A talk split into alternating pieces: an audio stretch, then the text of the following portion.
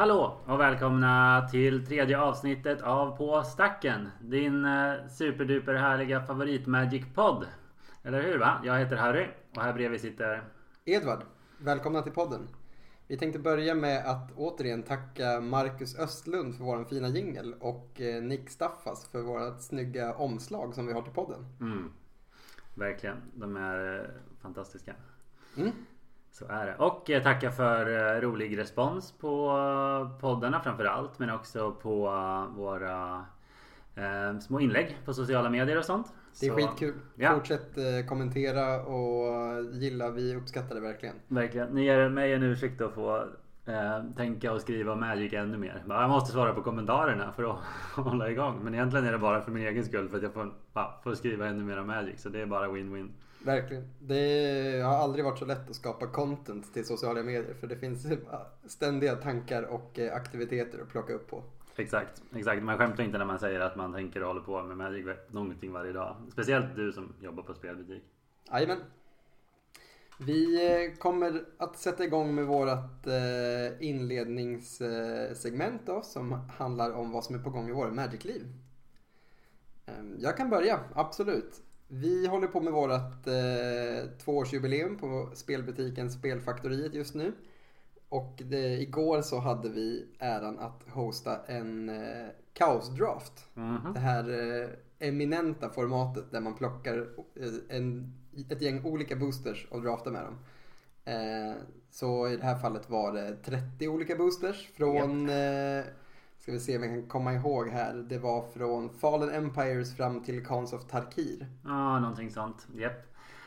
Exakt. Mm. Nej, exakt. Det är, det är faktiskt jag som har köpt in boosters löpande ganska mycket under året. Eh, bara gamla eh, boosters. Eh, mycket för att jag gillar att titta på omslagen som en tok jag är. Men Vem också, gör inte det? Exakt, men också för, för den här chansen att få spela Draft som är ett hysteriskt kul format.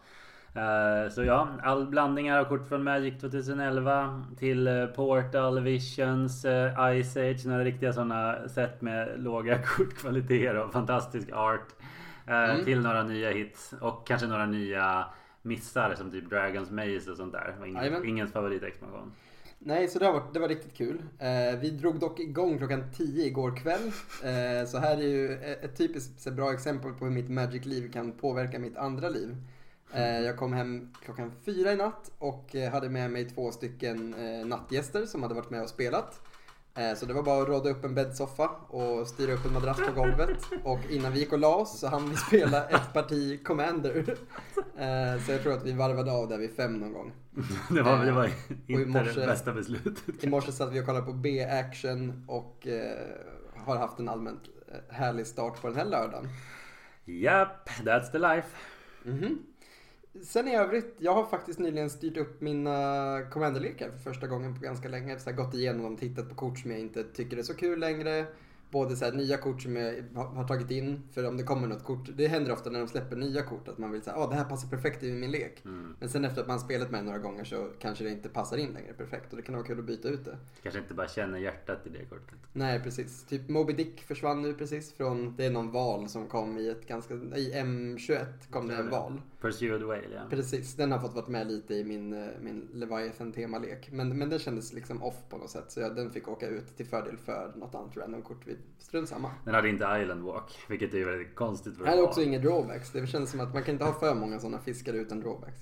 Exakt. Eh, nej, så det har jag lagt ganska mycket tid och energi på. Det är kul. Mm. Nice. Eh, ja, alltså minns ni när vi sa att det här skulle vara en positiv podcast? I lied. Nej, inte riktigt. Men jag har, eh, till skillnad kanske från Edvard som är mycket mer... eh, vad säger man? Eh, Du, du sitter lugnt i båten oftare kanske. Jag har precis som många andra haft lite små panik över Wizards beslut att trycka den här Walking Dead Secret Lair Edition som släpps snart. Jag ska inte gå in på det. Det finns massa artiklar och Youtube-videos. Men kort och gott. En rätt kontroversiell produkt kan man ju säga. Det, och det håller jag faktiskt med om att det är kontroversiellt. Ja, minst sagt. Minst sagt. Allt ifrån att de är svartkantade istället för silverkantade. Att de inte använder det här knepet som de gjorde i Godzilla-korten i Ikoria. Till att eh, det är just Walking Dead som känns väldigt icke-magic. Och framförallt att de är unika kort som kommer att gå att spelas i riktiga format. Och om de, någon av dem råkar vara jättebra så kommer den få ett jättehögt andrahandsvärde och det kommer bli sura miner. Så ja, minst sagt en kontroversiell produkt och eh, det har stört mig en del den här veckan. Så, så är det tyvärr. Men eh, jag har också fått spela Chaos Draft. Så jag är inte så bitter. Eh, och jag har också spelat vanlig draft på Arena. Nämligen Zendikar Rising. Eh, och det har varit väldigt skoj. Eh, och apropå det. Så är draft det temat som vi tänkte avhandla i tredje avsnittet. Alright då. Dagens tema är alltså draft. Vi fortsätter avhandla eh, ja, våra favoritformat lite. Eh, och stora viktiga delar av Magic. Eh, och draft är ju verkligen en av dem. Precis. Ja, för det får man komma ihåg. När vi kom igång och började spela mycket så skulle jag säga att eh, då var det egentligen två stora sätt att spela Magic på. Det var dels eh, Constructed i form av standard och extended. Mhm. Och så var det Draft som var det andra alternativet. Eh, sen fanns det förstås Sealed. Eh, Som en annan variant av Limited. Som vi inte kommer prata om så mycket idag. Nej, det kan vi spara. Och det som jag tänkte, en anekdot direkt bara för mig.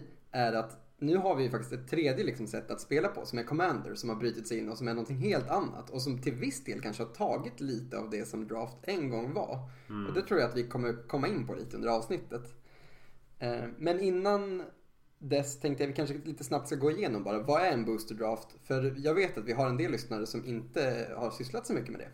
Så är det. Kör på. Så i sin mest grundläggande form då är en booster draft eh, att du tar tre oöppnade draft boosters. Nu för tiden har vi faktiskt olika sorts boosters som man behöver förhålla sig till. Så har det inte alltid varit. Nej men exakt, för gamla rävar, tre boosters bara. Ja, gamla rävar, då menar ju folk som spelar för ett år sedan. Det här har gått väldigt fort.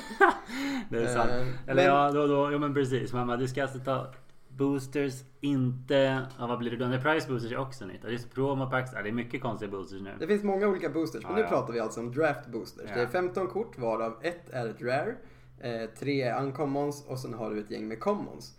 Och så kan du också få ett foil som då oftast ersätter ett common. Japp, och ett token och tipskort kanske. Precis. Eh, och i den här boosten eh, så kommer det finnas massa härliga bilder och du öppnar din, du väljer ett kort som du vill ha i leken. För det är det draften går ut på. Du kommer att bygga en lek med de här tre boostrarna. Exakt, så du sitter bredvid förhoppningsvis sju kompisar. Ja. Eh, åtta är, den optimala siffran. Men det går självklart att drafta på 10 personer eller 6 personer kanske. Mhm. Eh, och eh, ni tillsammans då har tre boosters var. Ja, precis. Alla har var, tre var, varsina boosters. Eh, oftast samma boosters. Eh, och ni kommer att öppna dem samtidigt, ett av dem. Välja ett kort som ni vill ha till er lek och så kommer ni skicka vidare ett, resten av korten. Då kommer ni alltså få kort av en annan spelare. Men då saknas det ju ett kort i det paketet du får. Du väljer ett nytt kort i din lek och sen fortsätter du tills den boostern är tom. Och sen så öppnar ni en till och upprepar det här tills ni har plockat 45 kort oftast. Och då kommer ni ha en eh, spelbar lek. En Det är målet i alla fall. 40-kortslek. En 40-kortslek, precis. Så- Korrekt, det blir en 40-kortslek. Oftast 23 kort och kanske 17 basic länder. Plus minus några hit och dit förstås. Stämmer bra. Eh, vi behöver inte gå in på detalj på det här utan det finns också jättebra instruktionsvideos på Youtube för er som vill se the basics av att drafta. Eh, men bara lite kort så att alla är med på vad vi pratar om. Ja men precis. Eh, och eh, det som vi tänkte börja med, man ska ju, vi börjar stort här. Vi börjar med varför är draft bäst? Ja men exakt, det är verkligen så. Och här, här är det inte så mycket dispyt tror jag. Utan vi är båda ganska överens om att draft är verkligen bland de mest ypperliga sätt att spela med. Kanske det, alltså, kanske det allra mest eh, optimala sätt att faktiskt spela det här spelet. Eftersom att det inkluderar både lekbyggande, spelande och är ganska rättvist. Men vi kommer komma in Precis. på just vad som gör det så kul. Du kan få börja. Mm, men varför inte? Ja, så frågan är helt enkelt vad är det som gör draft så kul? Så jag tänkte några varv på det här när du frågade mig det eh, för några dagar sedan förstås. Och jag skulle säga att en sak som, eh, som gör det så pass roligt är intensiteten. Alltså att när, när du spelar med polare, självklart är det ingen klocka som tickar i örat på dig. Men det är ju ändå förväntat att du ändå har kanske 30 sekunder på dig att välja ett av de här korten. Så du behöver ta väldigt snabba eh, beslut och dra slutsatser på ett sätt som gör det väldigt spännande och intensivt. Till exempel så öppnar du ofta ett pack och kanske har du tre kort eh, som är väldigt starka i olika färger. Så du måste utifrån vad du vet om den här expansionen, kanske vad du vet om dina medspelare, vad de brukar göra. Faktiskt, det kan hända. Oh ja. Så ska du dra, eh, ta ett snabbt beslut om så här, vilken av de här korten tror jag har störst chans att leda mig till vinsten. Ibland är det jättelätt att välja. Om du har till exempel vad vi brukar kalla en bomb. Inte sällan en ängel eller drake som bara är så stark så att den kan vinna spelet själv. Men andra gånger så är det mycket knivigare. Ska du ha den här starka removal-spellen. Om vi tittar till exempel på den senaste expansionen Zendikar Rising. Ska du ha kanske en bra removal som eh, eh vad vet jag, vad heter det? Rabid Bite eller Royal Eruption som är två mana removals i rött respektive grönt. Eller ska du ha en riktigt stabilt uncommon som, eh, som är Ja men som kanske vad sägs som en 4-4 flying för 5 med en liten upside i blått. Och sen då helt enkelt vad är du mest sugen på? Eh, vad tror du eh, har störst chans att vara öppet som vi kallar det. Det betyder alltså att du inte konkurrerar med de andra spelarna så mycket om den färgen. Mm. Så där gäller det att vara snabb och också snabb att ändra sig. Nämligen att helt enkelt ta ett nytt beslut i kanske nästa, eller tredje, eller fjärde eller femte packet. Verkligen. Att våga göra det. Så det, det, det är en stor del av glädjen för mig. En, en, annan sak är också att jag tror att kanske ibland i Constructed eh, och så, så handlar väldigt mycket om vinsten handlar om att här, lära sig hur lekarna funkar. Vi spelar ju en del modden och det kommer vi säkert snacka om sen. Ja. ja vi hade en modden turnering här i förrgår va? Som jag också var med på. Eh, Mm. Och då var det väldigt tydligt att så här, jag mötte en lek som är en kombolek som ibland vinner tur 2 och ibland tur 1. Den kallas, har det väldigt eh, smidigt namnet Grish Shoal Brand. Rolls of the tongue. Eh, och den leken Eh, Om man inte vet vad den gör eh, så kommer du förmodligen eh, Eh, ha eh, ganska mycket mindre chans att vinna. Vad jag menar är att modden handlar ganska mycket om att känna igen lekar, inte minst kombolekar och försöka spela runt dem. Sen kanske inte det spelar någon roll, vi kanske bara förlorar ändå. Men, där, och, men eh, mycket av skickligheten i modden handlar om att lära dig hur de olika topplekarna funkar.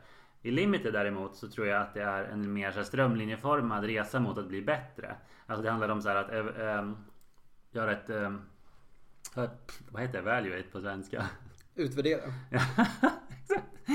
det handlar om att utvärdera eh, ren kortkvalitet på ett annat sätt. Du behöver inte tänka på tokiga kombos. Du behöver inte tänka på så här, oj kommer han gå av tur 3? Utan du behöver bara så här. Är det här ett bra kort bland, tillsammans med de här andra korten? Det är någonstans mm. går det back to basics i Magic. Så här. En 4-4 för 4, det är ganska schysst liksom. En removal för 2, det är väldigt schysst. Men har jag verkligen råd att spela den här och så vidare och så vidare. Precis. Och jag tror att du långsamt, ju mer du draftar ett format så kan du verkligen känna hur du blir bättre. Och det var det jag ville komma med den här långa utläggningen. Alltså, du märker hur du långsamt blir bättre på spelet genom att drafta. Du, du lär dig många av de klassiska och viktiga aspekterna av spelet. Alltså bluffa, combat-tricka, kurva ut. Alla de här nyckeldelarna som gör spelet, ja men som gör kärnan av spelet. Att splasha eller inte och sådana saker. Så är det. Och det är också en av de sakerna som gör att draft, eh, i alla fall för mig, fortfarande är kul efter att jag har spelat det så mycket och gjort det under så lång tid. Att jag fortfarande lär mig nya saker och fortfarande blir bättre på, eh, på saker som jag inte trodde att, alltså jag, jag märker själv att jag blir bättre. Mm. Eh, och ibland till och med kan ha, jag kan bli straffad för gamla draftkunskaper också. Alltså att man vet att eh, ja, men det här, den här typen av kort är inte så bra. Till exempel, eh, du nämnde det innan vi började prata, Nej, typ att auror är dåligt. Det är vi uppväxta med. Att auror går aldrig att spela. Men Precis. det finns ju förstås gränser för det. Och de gränserna har verkligen eh, Wizards pushat med hur bra auror kan, Ja. alltså Eh, exakt. Madcap Skills var ett jättebra exempel på när en aura Ja, kom in och verkligen st alltså styrde upp i, i många matcher. Det var plus 3 plus 0 Och Menace. Eh, för en röd och en valfri. Mm. Och Menace. Så att helt plötsligt fick du en gubbe som var jättesvår att blocka och skulle du blocka den så hade den jättemycket power så blev nästan alltid liksom value. Exakt. Och anledningen att många eh, som vi och med all rätt är kritiska mot auror i limited eh, och draft det är ju alltså att eh, man blir tvåförrättad kallar vi det. Och det är också en jätteviktig del av eh, limited i allmänhet. Det Magic i allmänhet, det slutar aldrig vara viktigt. Absolut, du har helt rätt. Absolut. Men det känns som att det ofta är mer relevant i limited. Till exempel för att det inte finns kombolekar som struntar i sånt. Alltså, och, Mm. och så. Men absolut, så det betyder alltså att om du eh, kan använda en removal spell eller bara ett kort överhuvudtaget för att döda två av motståndarens kort eller fler. Så kommer du ha eh, en stor upside. Alltså ett så kallat kortövertag pratar man ibland om. Mm. Att om det blir en lång och grindy match som man säger. Så är det inte sällan den som vinner är den som har använt sina resurser bäst. Så är det ofta. Ja, och ett bästa exemplet på, vi kan ta ett typexempel, vi tar en gammal dålig aura. Vad är som någon riktigt skit, typ så här. Jag tror faktiskt det finns en aura som heter typ Vigilance, eller säg så här reflexes. Det är så här, reflexes är så här, en röd, enchanted creature har first strike, punkt. Det är inget mer liksom. Och det kan hända stunder när det är riktigt schysst. Du har en 3-3, motståndaren har en 3-3. Aha! Reflexes! Så kan du börja slå in liksom. Motståndaren bara "Arr, nej. Och sen lägger de ut en 3-4 och så är reflexes helt värdelös. Exakt. Sen lägger de ut en 3-4 så bara Åh. Eller så bara lägger de terror på den. Eller Dark Banishing eller Doomblade. Som de ändå hade tänkt göra. Men nu, inte nog med att de dödade din 3-3. De har också dödat reflexes. Du förlorade två kort liksom. Precis. Så, och mycket på grund av det så både du och jag är så här, när vi ser en aura i ett draftpack, vi bara åh! Du vet, det är som, om, du vet, man, så här, som att man tagit på något kladdigt typ. Så, nere, Ja. i, nere i sinken i köket, man bara åh! Bort med den här, usch! Liksom. Det är verkligen sant. Ja. Jag tror också att det har blivit jag vill inte bli två för fan ta bort det här. Det är också väldigt roligt för med tanke på det här och att det var så allmänt känt så fortsatte ju ändå Wizards väldigt länge att trycka de här eh, ganska underpresterande aurorna. De var liksom en del på något sätt. De skulle alltid vara med i, i setten. Vilket är väldigt lustigt. Men nu märks det att de har börjat tänka kring det. Att aurorna också ska ha en plats. Alltså ska de finnas så ska de vara spelbara i någon lek helst. Typ eh, and Trading är ett bra exempel. Så här, Plus 1 plus 0. Du får dra ett kort när den kommer in i spel. Den får trample. Och dessutom så har du massa gubbar som triggar på att de blir targetade. Japp. Jag minns också en verkligen en sån, nu kommer det bli aura-avsnittet. det hade också varit kul. Eh, en, en annan gång som jag minns att jag märkte att någonstans insåg att så här, the times are changing. Var när jag spelade Terror första gången. För det var ett sätt där de bara så här. Det här är aurornas comeback. Uh, Theros är alltså det grekinspirerade sättet, grekisk mytologi. Med enchantment-tema. Med enchantment-tema och eh, så var det ett keyword som heter heroic. Eh, som, det var creatures som fick en buff eller en boost av något slag. Kanske en plus counter eller eh, vad vet jag, du kanske till och med fick dra ett kort. När du targetar dem. När du targetade dem med en spell. Vilket gjorde att de här aurorna plötsligt så här, inte nog med att de gjorde någonting av sig själva. Utan de gav också heroic triggern. Ja. Vilket var extremt starkt. Jag minns min favoritlek i Theros Limited, kommer du ihåg den? Det var typ den typ monoröda eh, Fire Breathing leken. Så man spelade alltså en 1 för en röd. Jag minns inte vad den hette, Hoplight någonting. Eh, när den blev targetad av en spell så fick du in en 1 token med haste. Mhm. Eh, så, och så spelade du ett kort som heter Dragon Mantle. Som Just är, det. den är riktigt stark faktiskt. Så det är alltså en aura för en röd. Som, när den kommer in får du dra ett kort. Och den ger eh, gubben fire breathing. Alltså du kan betala en röd för att ge en plus 1 plus 0 till end of turn. Så du bara mashade sådana på den. Du tog så många du kunde. Så bara tur ett kommer den här soldaten och sen bara ah, Dragon Mantle, Dragon Mantle, Dragon Mantle. Dra kort, dra kort, dra kort, tucken, tucken, tucken. Och sen bara ja, ja, ja, ja, ja. Kommer de in och Och så spelar du någon plus 2 plus 0 till hela laget och vinner Ja, liksom. exakt. Det Jo. var, det var riktigt fett. Om ni, om ni ska låta det här så är det jag som häller upp te här. Precis. Vi kan tacka min mamma för det här norrländska skogsteet som vi sitter och dricker. Ja, det är det är väldigt det. mysigt. Höjer vi mysfaktorn här. Verkligen. Ska du ha? Eh, nej, jag har kvar lite här. Är bra. Eh, ja men vad fint. Vi, vi släpper aurorna för en stund här. De kanske kommer tillbaka på tal, vem vet? Är. Eh. Pacifism är ett undantag på en aura som alltid är bra. Även om man är Mm. sådana som... Jo, jo, det, det finns verkligen undantag. Det är, Den var lite stretch då under removal men ja.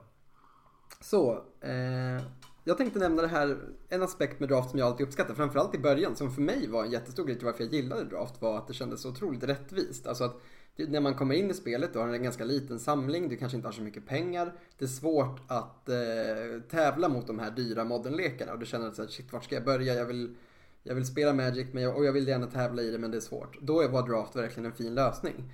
Trots att jag från början var en sämre spelare så kände jag ändå att så här, okej men det här kan jag verkligen klå. Jag kan bli bättre, jag kan lära mig. Om jag bara stångar mig blodig i de här drafterna så kommer jag till slut ha lärt mig tillräckligt väl för att kunna vara med och tävla.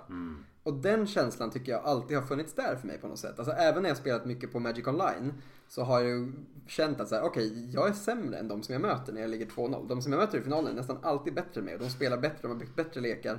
Men den känslan är nice. Alltså det är kul att känna att okej, men de vinner för att de är bättre än mig. Eh, vi hade väldigt likartade förutsättningar när vi öppnade vår första booster. Sen är det klart att därifrån så finns det aspekt av tur med att öppna bra kort och sånt. Oh, ja. Men över 100 drafter så kommer det fortfarande visa sig vem som var en bättre spelare. Exakt. Alltså precis. Turaspekten finns ju alltid så där behöver vi inte ens liksom gå in men men du har helt rätt, det är någonting väldigt speciellt med det att man sitter med samma villkor. Från början. Ja, ja men exakt. Det, det är fortfarande som sagt det är tur. Det är fortfarande inte gratis men liksom kom igen det är ett spel. Jag menar om vi jämför med eh, Constructed där man ibland hör att Magic är pay to win. Vilket är ju en sanning med modifikation. Ja. Det ligger ju någonting i det. Jag brukar Absolut. säga så här att du kan vara med i turneringar på en ganska billig lek. Du kan ha väldigt kul på en väldigt billig lek. Men om du ska vinna turneringar så kommer du förmodligen behöva lägga några tusen lappar. Så är det. Eh, Men draft däremot, då har du lagt exakt lika mycket som alla andra. De har exakt samma för, förutsättningar. Förutom sin skicklighet och tur. Och så ska man också komma ihåg att med Magic är det en orimligt hög chans att du faktiskt får tillbaka en del av värdet som du lägger in i det. Alltså i många andra spel och sådana saker eller aktiviteter du gör så betalar du 150 kronor för en biobiljett.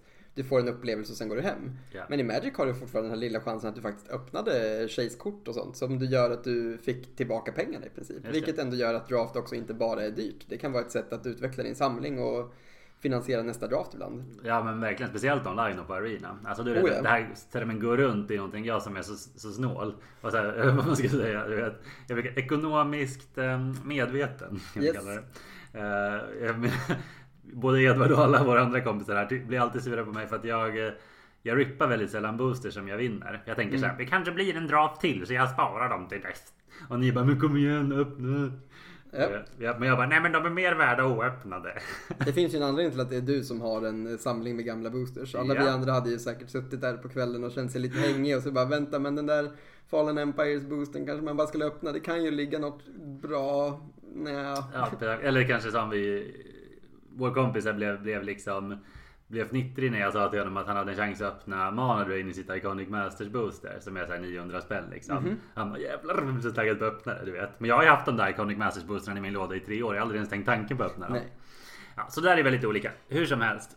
Hur som Eh. helst. Men du har rätt. Man kan få tillbaks insatser. Vilket är Precis. ovanligt. Eh, Om du inte är väldigt, väldigt bra förstås på sådana här tivolispel och går in på ett tivoli och skjuter ballong. För Men- det, var, det var faktiskt en av sakerna jag tänkte ta upp som är varför draft, är varför draft är bäst. Och det är att samtidigt som du spelar spelet så utvecklar du också din samling med öppna kort. Och kompisarna runt omkring dig öppnar också nya kort. Mm. Och kanske öppnar det där kortet som du vill ha till din commanderlek. Ja, ja. Och det tänker jag ändå är väldigt viktigt att komma ihåg att draft är ett sätt för oss att eh, eh, utveckla våra kortsamlingar. Eh, som, som jag tycker är väldigt nice jämfört med att kanske bara öppna boosters. Alltså inget fel med det. Det är skitkul att öppna boosters för att hitta eh, hitta nya kort och byta kort och så. Men samtidigt så att göra det när du ska spela med dem ger liksom ett dubbelt värde. Ja.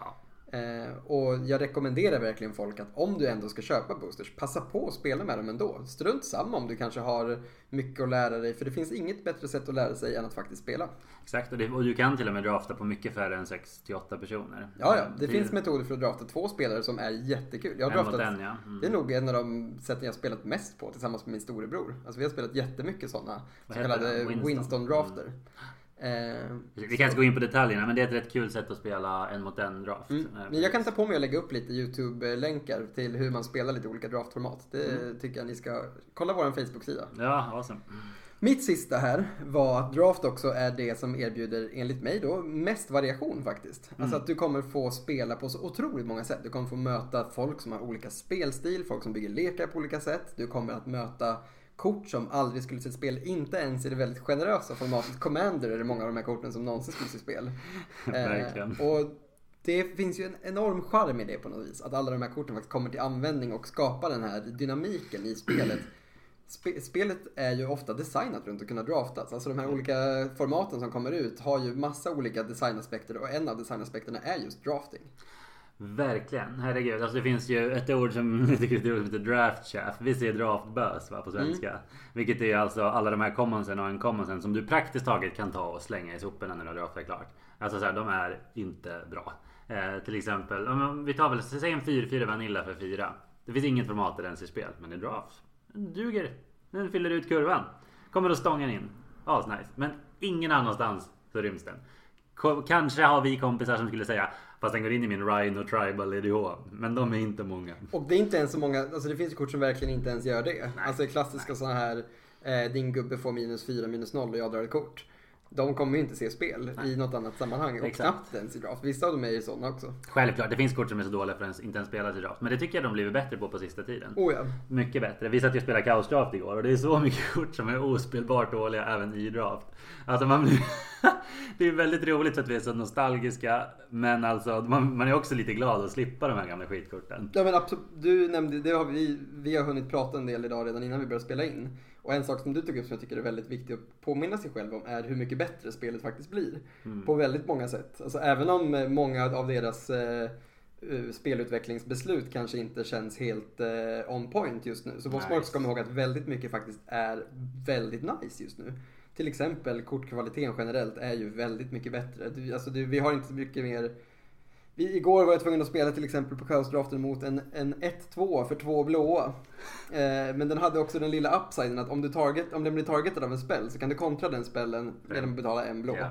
Varför någon nu någonsin skulle vilja targeta din blåa 1-2. med en Exakt, exakt. Men, exakt. men sånt behöver vi inte lida med längre. Nej, det visst finns är det liksom så. inte. Visst är det så. Och jag menar, jag, är den, jag erkänner utan att blinka om att kortkvaliteten ofta är för hög idag. Men det gäller ju oftast inte limited. Nej. Eh, nej utan det är ju constructed. Och så jag, standard, omnath, uro, I'm all for the, the hate wagon där. Men när det gäller, men i allmänhet när man draftar till exempel. Vi älskar kaos draft, det är jättekul att skratta åt de här korten. Men om varje draft var så här. Så hade man snabbt tröttnat på att se liksom de här, eh, vad heter det, två tvåorna för tre med downsides. Ja, För att det är så här att jag kan inte vinna. Du vet, det går inte. Det matchen tar aldrig slut. De bara klonkar in i varandra. Nu går vi time igen. ja visst. Medan då jag som suttit och spelat Zendika Rising på Arena till exempel. Vi körde ju en draft inte för länge sedan heller. Där ser man att de allra flesta kort har ett användningsområde. Eh, Och det är riktigt eh, schysst att hitta det. Och speciellt att liksom upptäcka saker som kanske inte är lika lätta. Visst. eh, Att se. Till exempel ett kort som jag skrattar lite åt, eller så som jag inte gillade när jag såg det var en instant för en blå som ger en creature minus 4 minus 0. Och om du har en wizard så får du dra ett kort. Den tittade jag inte på två gånger när jag såg den första gången. Men det är riktigt trevligt att ha en sån i just wizard-leken. Alltså man räknar sina wizards och plötsligt bara Det här är ju rätt nice. Alltså, Ja, det- man märker att så här, combat trick i allmänhet är ganska bra i det här formatet. Och plötsligt så, så lägger man gladeligen in den och, och, och, känner att man har förstått någonting och utvecklas i formatet liksom. Jajamän. Eh, Så så är det. Och, ja, ja, och sen får man inte glömma liksom. Vi verkligen understryker det där att så här, det är ingen slump att Wizards designar. Alltså att de designar så här 250-300 kort per expansion. Eh, alltså, det är väldigt, väldigt mycket. Men att liksom 80% av dem är typ bara till för draft. Ja. Och det är ingen slump. Det är ju för att de vet hur jäkla kul draft är och hur stor del av spelet är. Eh, Och att helt ignorera det här tycker jag också är så att man missar verkligen något. Inte både att för att det är roligt om man får sina, man har chans att dra sina commanderkort och, och kanske till och med få value och bla bla bla. Men det är också så att uppskatta alla de här kortdesignerna, alla de här illustrationerna som annars bara hamnar i soporna om du bara rippar boosters. Ja. Eller hur? va? Alltså så här, se de här coola synergierna som de pular in i, i nya expansioner. Ehm, Ja men se de här, um, ja men, men de här coola eh, arten och worldbuildingen för den delen. Ja. Alltså se hur till exempel i Zendikar, eh, hela hur de förmedlar små delar av storyn liksom. Med alla kors och eh, andra äventyrare som, vad heter det, kastar grappling hooks på stenarna liksom. Absolut. Det finns mycket att gilla. Jag, tror, jag förstår ju folk som har en, en tröskel in i draft. För att det är, det är svårt. Det, det finns delar av det här som sätter dig på prov på ett sätt som, som kan vara obehagligt. Och sen så finns det också oftast priser med i drafterna. Och det kanske känns tråkigt när man har varit med och spelat flera gånger och det verkar som att priserna liksom ofta går till samma personer. Eh, och man till slut kan känna att okej men jag, tyck- jag fokuserar hellre på någonting där jag har roligare. Eh, och jag förstår det. Jag har väldigt mycket respekt för den upplevelsen. Eh, det jag skulle bara bara vilja säga att fortsätt försöka för det kommer bli bättre. Eh, första tröskeln är brutal att komma in i det. Ja, Men speciellt om man ser spelar med, till- så- med sådana gamla veteraner som vi liksom. Visst, men, men sen kommer man ändå till en punkt ganska snabbt där man förstår vilka kort som är svåra att spela med. Framförallt om man frågar som spelarna man spelar mot. Typ, okej, vad tror du att jag kunde gjort annorlunda? Ja. Eh, och därför tänkte jag att vi skulle komma in lite på drafttips. Alltså allmänna Ba. tips till den eh, nya draftaren. Draftskola 101. Yes, då åker vi. Eh, jag tänker börja lite snabbt då. Jag tänker vi tar varsitt och sen växlar vi. Sure. Eh, mitt första tips är plocka mycket removal och creatures. This is a Så- classic, but Vi- very important. Vi har liksom generella typer av kort i Magic. Ett removal är ett kort som kan ta bort någonting och det jag syftar på nu är creature removal. Det finns ju andra removal som tar bort andra saker. Eh, vissa tar bort både och. Det är ju verkligen förstås fantastiskt. Men kanske kan ta bort både enchantment och en creature. Men nu pratar vi om de som fokuserar på att ta bort creatures. Så kort som på olika sätt tar bort creatures. Ofta även de sämre varianterna av de här korten är bra att ha i sin lek. Motståndaren spelar ut sin bomb som du inte hade samma tur att öppna. Vad är då det perfekta svaret? Jo, din eh, vita spel som dödar en creature som har power 4 eller mer. Och helt plötsligt så är ni tillbaks. Ditt eh, dåliga common eller ditt liksom oansenliga common hanterade precis draken. Men, men exakt, och det där är en av de vanligaste nybörjarmisstagen jag ser. Är att folk värderar kort som om de vore i constructed. Vi kan tänka på Theros igen. Jag, Då finns det ett kort som heter Sip of Hemlock. Den säger 6 mana, två svarta, sorcery.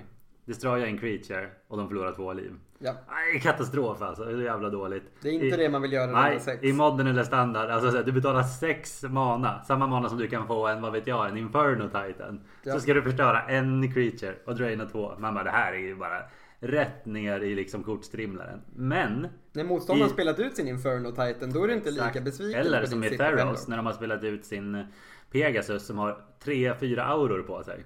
Och håller på att döda dig. Det spelar ingen roll. Alltså man får verkligen bara bita i gräset. Bita ihop menar jag. För att inte, för att inte bita i gräset. För att inte bita i gräset så måste du bita ihop och spela Sip of Hemlock för 6 mana. Du har inga andra alternativ. Man måste göra det och Nej, det, det är inte så dumt. Nej, här är vi till och med kommit till den punkten att ett, den typen av hård removal för sex mana, de är fortfarande okej, eller bra till och med. Man spelar gärna något sånt i sin lek. Och jag tänkte bara komma in på en annan sak som är väldigt viktig då vid sidan av det här. Eftersom det är väldigt bra att ta removal så är det också väldigt viktigt att ta mycket creatures. Ja. Det räcker inte att ha 9-10 creatures i din lek om inte den är väldigt speciell. Utan oftast vill du komma upp i ett mycket högre antal creatures, typ 15 till 18. Och det här skulle jag verkligen vilja pusha ut till alla som håller på och draftar. Räkna gubbarna. Varje gång ni har tagit klart liksom ett pack, kolla hur många gubbar ni har som ni har tänkt spela med. Börjar det bli lite så kommer ni behöva aggressivt ta creatures i era färger. Även om ni kanske måste mm, ta bort ett helt okej removal. Det kan vara så illa. Och försök alltid att komma upp i ett högt antal creatures. Det går att experimentera med det här, det går att gå lägre om man har väldigt bra kvalitet på sina creatures eller om man har jättebra removal spells. Men ni kommer vilja ha mycket creatures. Kort och gott, du vill alltid alltså, utöka ditt board state som man säger. Alltså, du vill alltid fortsätta eh, lägga till creatures på brädet eh, och hålla pressen på. Liksom. Speciellt om du är den som attackerar mer än blockar. Liksom. Ja, Yes, men nice. Jag kan hoppa till ett annat tips då. Eh, ja.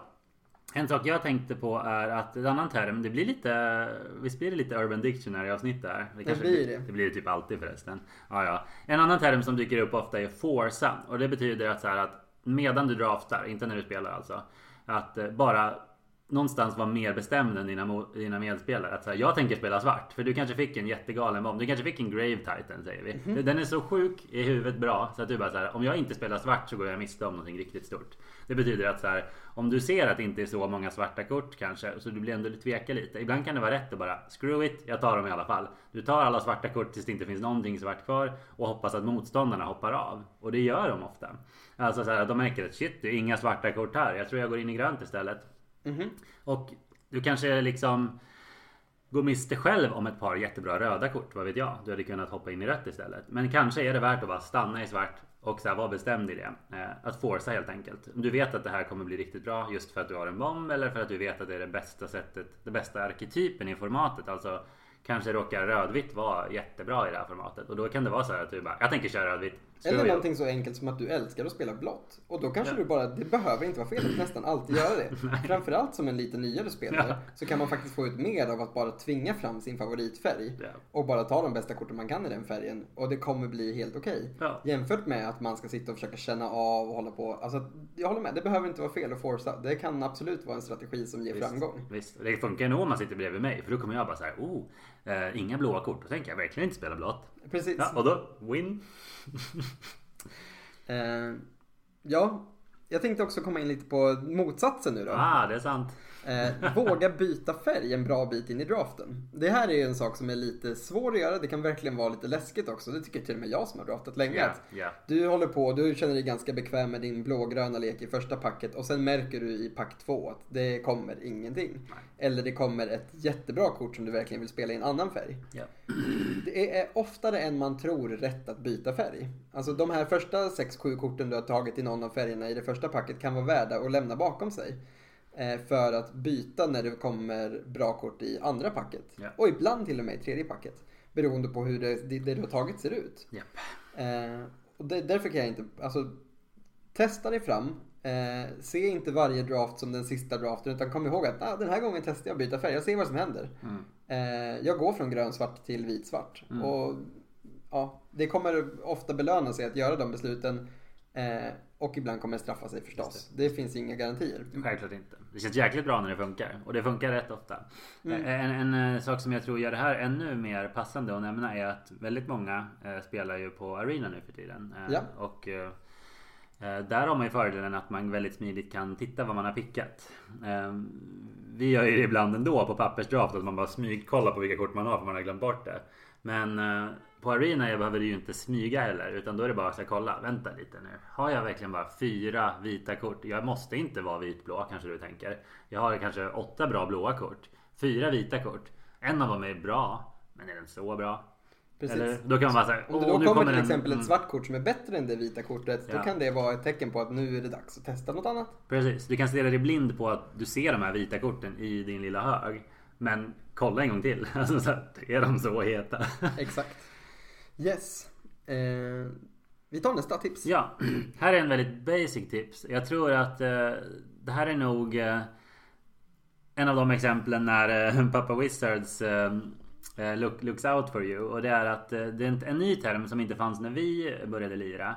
är något som kallas signpost uncommons. Och det är någonting de har börjat göra. Oj, hur länge kan det vara? Typ fem år kanske? Det låter rimligt, kanske lite längre. Ja, kanske. Det, det är alltså att nästan alla expansioner idag har multicolor-kort.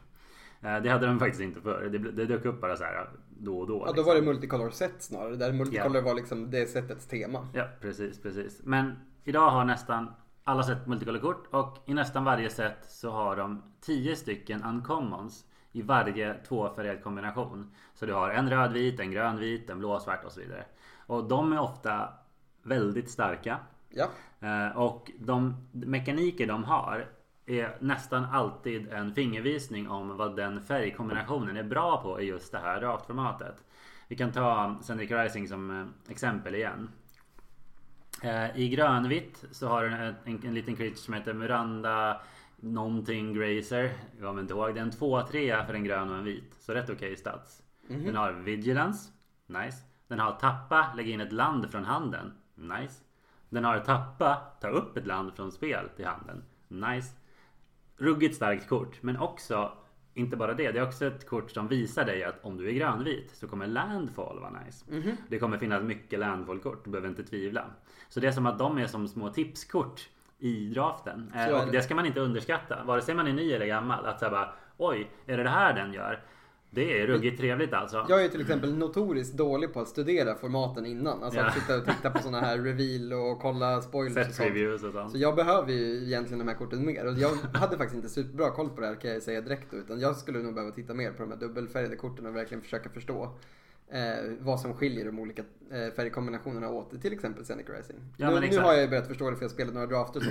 Precis, men jag borde kanske ha kollat specifikt på de tio innan jag började drafta. Det hade nog varit smart. Ja men, men det är faktiskt ett enkelt sätt att få en väldigt snabb överblick av vilka arketyper som finns. Mm. Eh, Sen kommer alltid det finnas proffs som bara så här.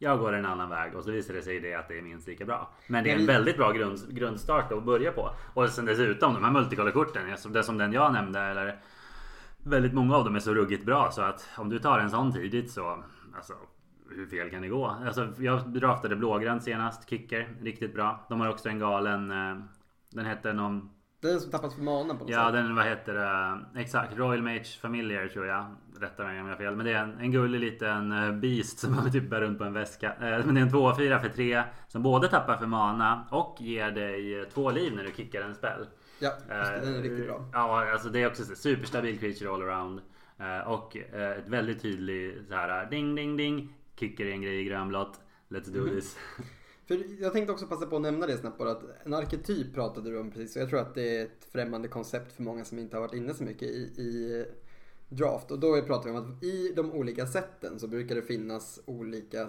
sätt att bygga lekar på. Ja Eh, till exempel då att blågrönt är kicker och då är det typiskt en arketyp Japp. i, det, eh, i till exempel Zendikar Rising. Ja. Eh, så när vi, om vi nämner arketyper så pratar vi alltså om en strategi som är, tilltänkt i det formatet. Ja exakt De mest självklara som finns i väldigt många sätt är blåvita flyers Rödvit aggro. Ja, exakt. Helt ärligt. de- Jag tror de måste nog vara så här, de, de som vad heter det, eh, allra mest evergreen. Liksom. Snacka mer draft, såklart vi ska. Eh, Och eh, vi som är sådana entusiaster Oavsett format Har ju ändå favoriter såklart. Självklart. Så vad är, vad är ditt favoritsätt att drafta? Edvard? Det är ju ruskigt svårt. Jag har nog haft mina absolut bästa Magic-stunder vid draftborden. Men eh, en återkommande glädje i mitt liv är eh, Magic Onlines Vintage Cube. Eh, från början så släpptes den någon gång runt jul, mycket passande för det kändes liksom som en extra så här, holiday-krydda. Och sen någon gång mitt på sommaren. Och då var det också jättebra för då hade jag ofta tid att spela den. Eller då har jag ofta tid att spela den. Så det här är verkligen för mig Mwah!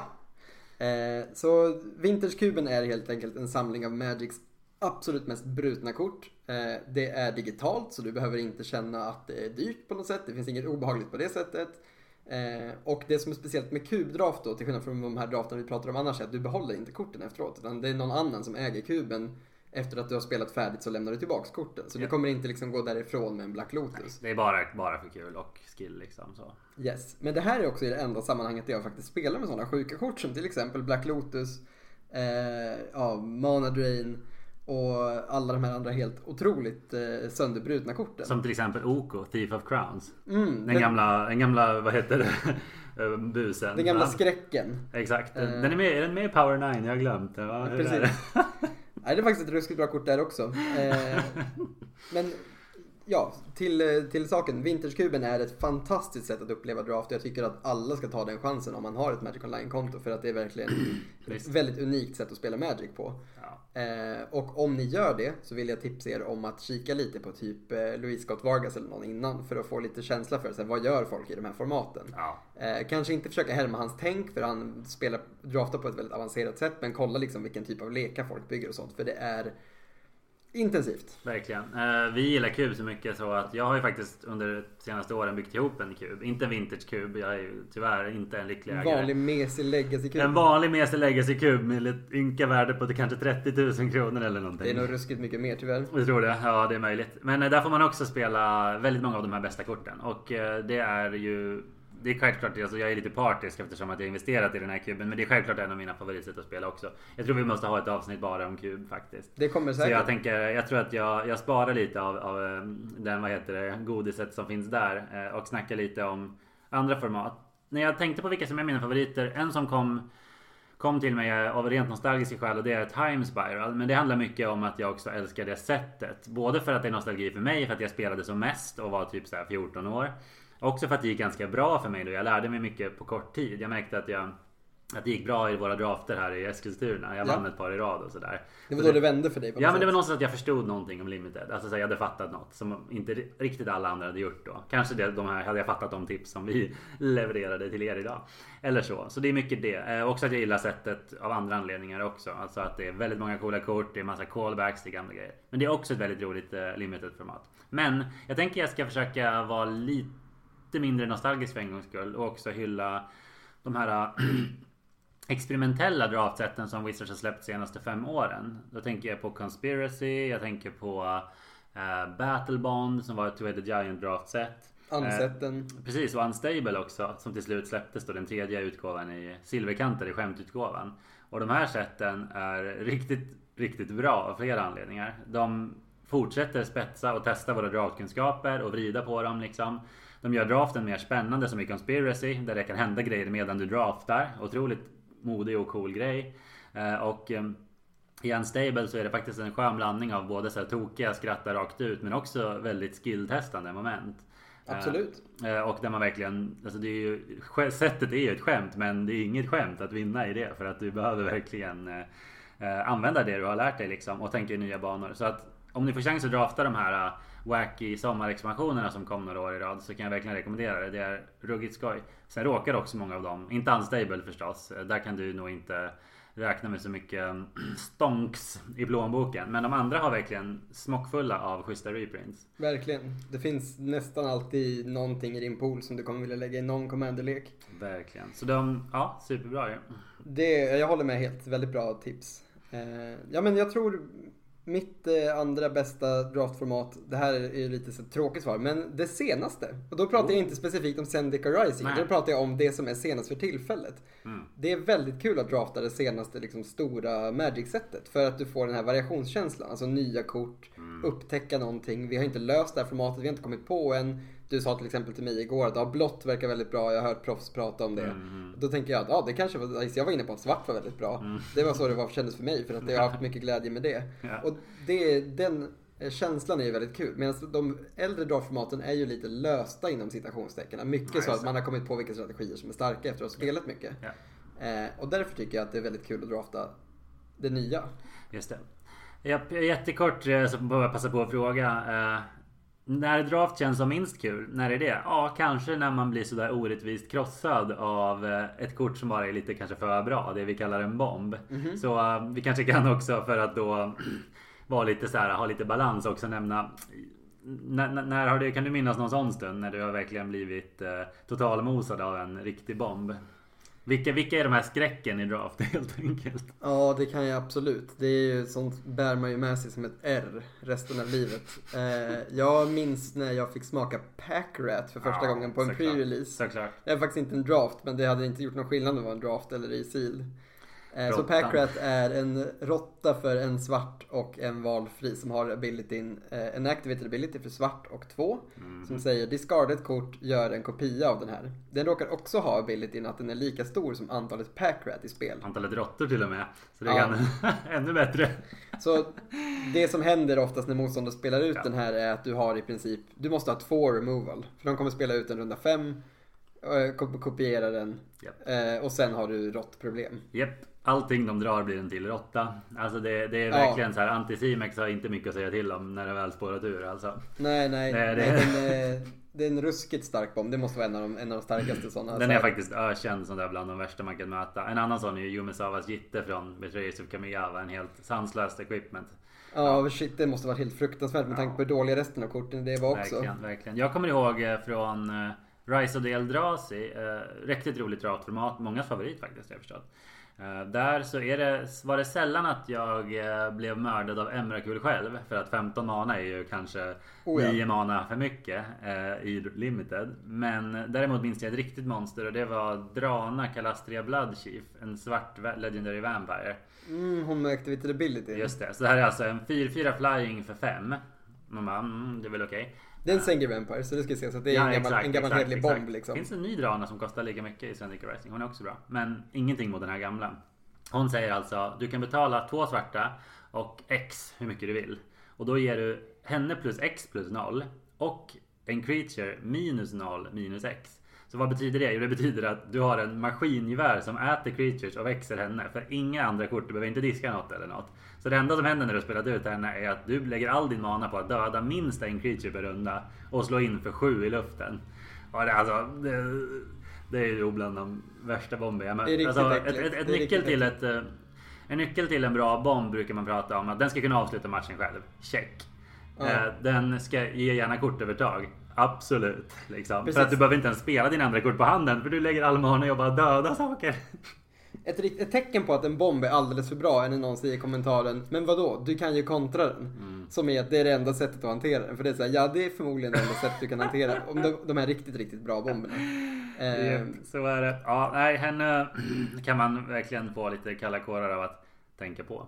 oh ja. Men jag tror vi måste avrunda draftdelen va? Vi som alltid kan ju snacka vidare men... Vi släpper det och, och går vidare till eh, showens mest populära del. Precis. Show and tell, eller hur va? Där vi får prata om en sista liten quirky grej om Magic. Så Jag har eh, tänkt riva av våran show and tell med eh, lite pepp här för framtiden. Oho. Det Eh. kanske behövs i dessa mörka Walking Dead-tider. Ja, kanske så. Eh, för det, och det är också pepp inför forntiden. Jaha. Nämligen vår egen forntid. Ja, Vikingarna. Ah, haha. Så vi har haft vikingar förut i Magic, men aldrig på det här sättet. Tidigare har det liksom varit lite grann då i, i Ice Age och sådär. Typ Eh, Barbarians och Warriors. men nu ska vi liksom ge oss huvudet före in i eh, nordisk mytologi. Och eh, vi gör det med Kaldheim som kommer nästa år. Ja, Eh, är det första expansionen nästa år? Typ så kanske februari eller något? Ja, precis. Eh, och jag vet att det här har du och jag pratat om förut, det här var länge sedan, säkert typ 5-6 år sedan, när man pratade om så här, vad har de kvar att göra? Vad är mest obvious av de grejerna som finns kvar? Eh, och sen har, man, har vi sagt vissa saker som faktiskt har kommit, men en sak som har varit uppenbar som inte har kommit är just vikingar. Eh, otroligt cool lore. Det finns jättemycket häftiga mytologiska bestar. Det finns sagor som de kan dra ut jättecoola saker ifrån. Mm. Eh, det finns de här hjältarna. Alltså det finns verkligen så sjukt mycket djup och nice grejer som de bara kan sno rakt av. Vi kommer ha massa jättecoola svarta grejer från underjorden. Lite risk att det kan påminna lite om Teros dock med alla gudarna och den känslan. Ja, Men å andra sidan så är settingen väldigt annorlunda. Precis. Är, vi, man misstänker att det kommer vara en nordisk mytologi-variant av Theros och Amonkhet alltså med, med gudar och sådär. Men vad är det, för, det är inget fel med det. Vi kommer få Magics version av, av gudar med all sannolikhet. Vi kommer ju säkert se Tor, Odin och Loke antar jag. Det verkar Jag- troligt. Jag ser fram emot Freja. En, ja, ja, mycket. Någon slags, säkert någon sån bruten grön gud som alla commanderspelare kommer älska. Gaia är det från? Nej det är från grekisk mytologi. Det är Freja som är nordisk. Mm. Freja är nordisk, Nej det har rätt. Jag undrar också om vi kommer se en variant av Midgårdsormen. Oh, Och jag är om taggad. det, om det finns så blir jag besviken om det inte är den största creature någonsin. Den är alltså så stor i mytologin, ni vet säkert det, men att den cirklar runt hela jorden. Yes. Alltså hur stor kommer den vara? Snackar vi en 30-30? Ja, och vad kommer Fenrisulven att göra? Ja just det. Wolf, Wolf Tribal med Fenris ulven, ja. Jajamän, och det är också lite fint då. Här sitter man som, eh, som svensk och känner att nu är det vårat arv som kommer in i Magic på riktigt. Exakt, vi får hoppas att inte de är reaktionära, eh, muppiga ehm, ehm, personerna där ja, tar och anammar det här för hårt. Ingen risk för det. Jag älskar vikingar så himla mycket. Det finns Det liksom bra. inget stopp för min, min kärlek till våran historia och våra vikingar. Nej, det är bra. Vi får ta tillbaks det ifrån de här bruna krafterna. Jag skulle säga att de inte lyckas ta det. Det är väldigt allmänt älskat. Ja, mycket nej, mer allmänt älskat än vad sunkiga ideal är i alla fall. Nej, men det kanske är rätt. Jag tror det. Eh, nej men en stor pepp inför det här. Stor Mm. pepp inför att få se eh, mustiga skägg på mina Magic-bilder. Ja, det blir gött. Det blir gött. Yxor. Ja, ja, ja. Horn på hjälmarna. Yes. Exakt. Så kommer folk bara. Actually, vikingarna hade inte horn på hjälmarna. Ja, jag vill ha horn på mina hjälmar. Jag kommer säkert inte få det. What's är för PK nu för tiden. Ja men exakt, de är för historiskt korrekta. Ja ja, nej men eh, roligt, jag håller med, det kommer bli asfett. Eh, apropå nya set. Får mig att tänka på pre-releaser. Vilket får mig in på det som jag tänkte ha som show and tell. Och det är att eh, en annan sak som eh, Watsy faktiskt har gjort bättre på sista tiden och det är att de har slutat göra en dum grej. Eh, Och det är, kommer du ihåg på pre-releaser från och med, jag tror det var Return to Ravnica 2012. Då var det att när du gick på en pre-release så fick du inte bara sex boosters eller vad det nu är. Utan du fick en låda med det du valde. Du fick välja en låda med din favoritguild på. Ja. Så till exempel så kunde du välja Raktas eller Azorius eller någonting. Och vad betyder det? Jo det betyder att en av dina sex boosters var bara kort från den gilden du valde. Och det är ett litet schysst sätt att så här, visa allians och så här, Du vet med sin, sina favoriter. Att man bara säger jag är Grul. arr", Liksom. Jag fattar, jag fattar. Det, det, det, det är en cool grej. Nackdelen var flera. Det ena är att det ledde till att eh, en massa Eh, vad heter eh, sluga draftare eh, kanske innan hade listat ut vilken som var den bästa färgkombinationen och plockade den fort. Om du hade en local game store som kanske inte hade fått så in så många packs så slutar det ofta med att man traskade in innan pre-releasen skulle börja och det enda som fanns kvar var den överlägset sämsta färgkombinationen. Oh ja. Det var inte roligt. En annan grej var att eh, om du mo- mot förmodan då kanske att du valde Boros eh, eller någonting. Du bara nu ska jag bygga rödvit aggro. Du öppnar ditt Boros-pack. Schyssta rödvita agrokort. Du öppnar resten av dina packs. Inte några rödvita agrokort. Så plötsligt har du en riktigt tragisk mischmasch liksom där du inte ens får använda den guild som du valde. Eller så tvingar du in dig själv i det och du får en jättemedioker lek. Ja. Inte kul. Och en till sak som var skrot med det här var att eh, du fick ett pre-release kort som du kunde spela med och det här var kanske det sämsta av allt. Som var ett schysst kort i de färgerna. Eh, Så till exempel om du körde Raktos så fick du Carnival Hellsteed minns jag. Det var en Ja. 5-4 Unleash Haste för 6. Den var schysst. Eh, Och den var så pass stark så att du förmodligen, igen, du behövde verkligen spela Raktos. Du, du var väldigt mycket mindre kreativitet. Du kände dig liksom tvingad in i Raktos. Du letade bara efter dina bästa rödsvarta kort och kanske, Ja, och- kanske någon splash. Ja, liksom. exakt. Och du fick alltid samma bomb. Vilket ledde till att de här bomberna dök upp mycket oftare i Limited. För alla fick dem. Tråkigt. Ja. Och en annan uppe grej med det eh, var att på grund av att Wizards förstås förstod att de här bomberna skulle dyka upp mycket oftare. Så var de också inte så bombiga. Eh, vilket ledde till att de tryckte eh, till exempel Arcon of the Triumvirate hette den Azorius-versionen. Det var en 3-5 flying för 7. Absolut en okej finisher i en kontrolllek. Men ett riktigt risigt rare. Du blev ju väldigt missnöjd när du öppnade den i ett vanligt booster. Inte nog med att den var risig för att de var tvungna att sänka power leveln för att den skulle dyka upp så ofta. Utan också för att du redan hade tre stycken. Nej, Det var riktigt kast. Eh, jag minns en katastrofdålig för de fortsatte ju det här efter Return to Ravnica också. I Corset så valde du en färg. I Theros skulle du välja vilken gud, alltså vilken färg du trodde på. Också muppigt. Men ibland var de här bomberna som du fick också verkligen så här skitdåliga. Jag minns en riktigt dålig som från, den var, jag tror det var Born of the Gods. Ingen jättebra expansion. Eater of Hope hette den. Jag dubbelkollade det här faktiskt innan för att säga rätt. Det var en, en demon, en 6-4 för 7 flying. Inte så bra stats. Inga sätt att skydda sig själv. Den säger typ en svart offra en, tappar en typ offra en creature för att regga den tror jag. Så du tappar den? Nej det måste man nog inte göra förresten, det vore för dåligt. Jag tror du kan offra en svart offra en creature regga den. Sen kan du också betala typ tre mana tappa, offra två creatures för att förstöra en creature. Otroligt dyrt och klumpigt. Den, alltså den hade aldrig passerat en vanligt eh, expansion som rare. Eller hur va? Inte Nej, ens en Demon Tribal IDH vill ha den. Vänta, de, kom de inte printade i setten heller? Jo det också, så man fick för många av dem. Oh. Riktigt dåligt. Så slutsats. Tack Watsy för att ni slutade med det här och nu är vi tillbaks till vanliga pre-releaser där alla får sex boosters. Samma startsträcka och man inte måste skynda till affären för att ta den bästa lådan. ja,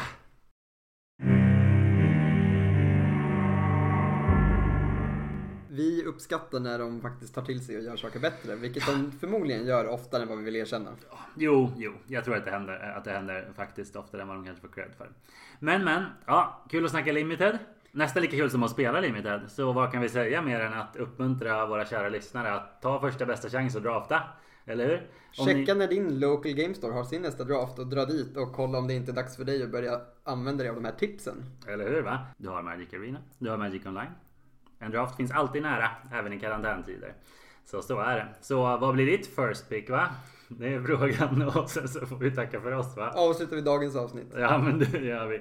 Tack igen för alla som lyssnat och like, subscribe och kommentera gärna så snackar vi. Yes, vi hörs i nästa avsnitt.